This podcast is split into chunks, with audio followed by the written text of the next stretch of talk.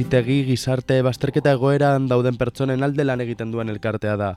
Haien ibilbidea mila bederatzen dela urogeian hasi zen otzarkoagan komunitate lana oinarri. Baina gaur egun ezagutzen dugun bizitegik mila bederatzen dela urogeita mazazpi urtea izan zuen oinarri. Balio publikoko entitatea aitorpena jaso baitzuen. Haien ekimena aurrera eramateko pertsonei laguntza eskintzen diete haien bizi prozesuetan. Sentsibilizazio ekintzak ere egiten dituzte eta azken hauetan gizarte bidezkoago bat lortzea da sedea. Gaur gaia kanpaina horietako bat izango da. 2000 eta malauan aurkeztu zuten lehen informea Bilboko kaleetan eskean aritzen direnen artean, zenbat etxegabekoak diren jakiteko.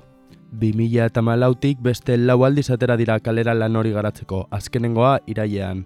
Aurkeztutako datuei buruz hitz egiteko gurekin daukagu gaur eneko urreta bizitegiko gizarte zitzailea. Kaixo eneko? Kaixo. Bueno, azteko, zeintzuk dira bizitegik kontuan hartzen dituen ezaugarriak edo markoa ikerketa hau garatzeko? Ba, a ber, lehenengo esateko, e, marko geografiko izango horitzateke Bilbo iria eta bere sortzi barrutiak, eta gero guk zenbatu edo elkarrizketatu ditugun pertsonak e, Bilbon eskal, o sea, Bilbon eskaleak diren pertsona dira. Hortik kanpo gelditzen dira ba, artistak, saltzaileak eta beste, beste pertsona askok. 2000 eta malauan hasi zineten ikerketa honekin eta deigarria izan da nola lehen urtean egun da laurogita sortzi eskale zenbatu zenituzten eta urten e, laurogita mar identifikatu dituzue. Hala ere, azaldu duzue datu hauei erreparatu ezin dela ondorio estatu eskale gutxego daudela, ezta? Ez, nik hori ez nuke ondorio estatuko, nik adibidez Bilboko biztalde bezala, esango nuke gaur, e, duela bost urte baino gehiago daudela. Baina gero datuak esaten digute beste gauza bat. Kontuan hartu behartu, hartu behar du bai, ikerketa hau e, argazki bat ateratzea moduko bada, ez? Egun konkretu batzuetan eta ordutegi konkretu batzuetan. Horrek ez digu ematen e, oso datu ez fidagarriak badira, baina ez dira urte osoko datuak, ez? Adibidez. Genero perspektiba lantzen duzue zuen informetan eta urten datu deigarri bat aipatu duzue eskale gehienak gizonezkoak dira. Ez da horrela izan pasaden urteetan? Bai, honela izan da beti, ikertu dugun e, guztietan honela, honela, honela izan da beti. Eta aldea oso garrantzitua da, osea, eundeko larogeita maika eta eundeko bederatzia. Osea, larogeita maika gizonak eta bederatzia e, emakumeak.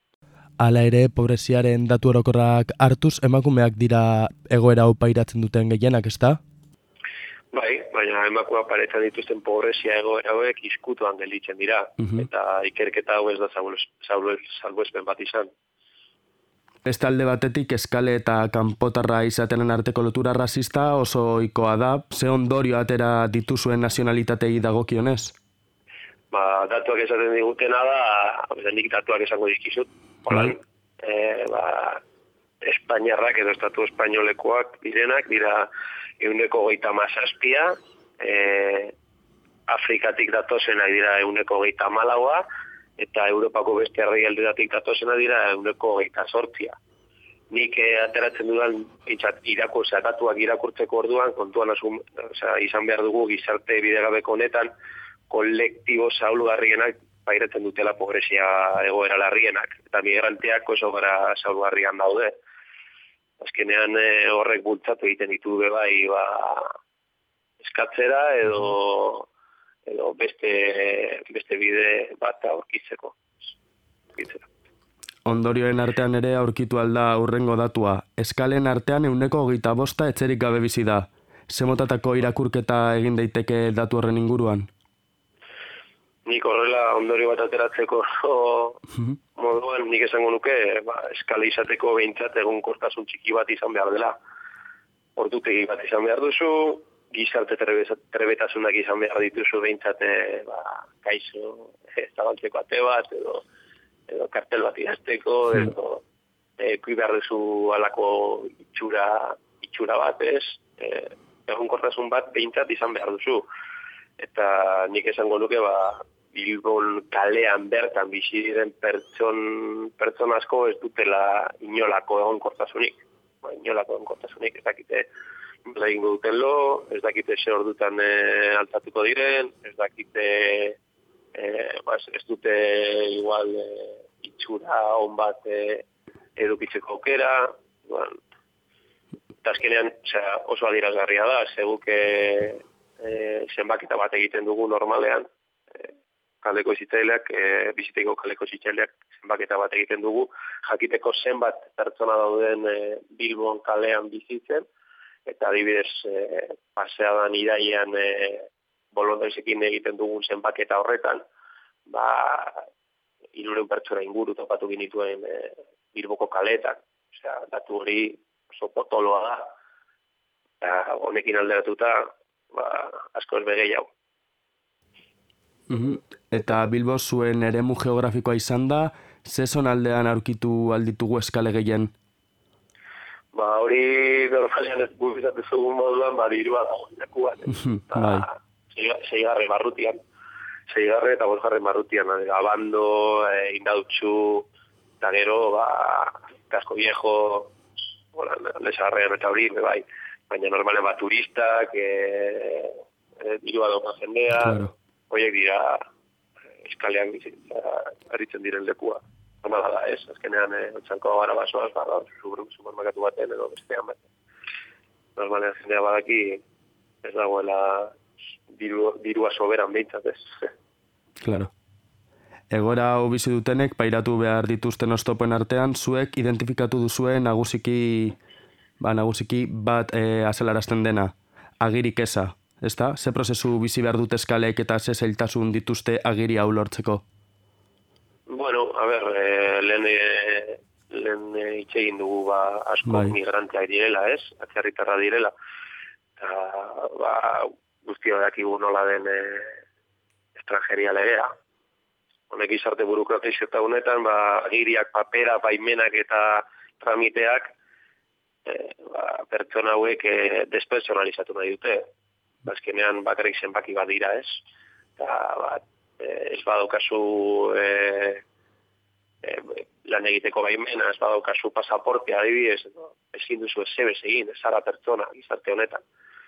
Azkenean lotxagarra da ikustea nola eskubidea izan behar den gauza bat, ez dela inoraz ere betetzen.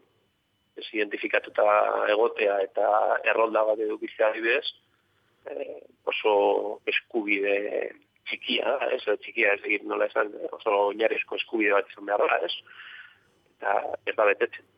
Orduan, dira, hau sofritzen duten, eh, bat, baina badaude goea sofritzen duten asko. Immigrazio legearekin batera, oiko terminoa dena etxegabeko eta eskali buruz hitz egiterakoan, aurkitu aldugu ebai, oiko termino bezala, gizartaratze prozesua edo bai, gizartaratze prozesu hori, ez da? Ze motatako bai. salaketa egiten du bizitegi prozesu honi buruz? A ber, bizitegi azkenean, e, ba, gizarte ba, gizarte bidegabeko honen parte erakunde, honen, parte dagoen e, erakunde bada. Bai.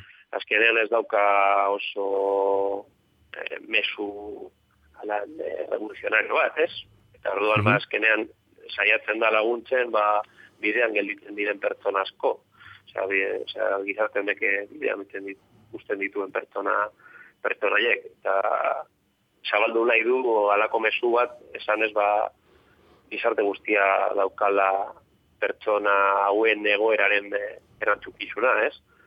Batzuk gradu batean eta beste batzuk beste gradu batean, baina ezin ditugula bidean utzi, hori da bizitegi eh, zabaltzen duen mesua.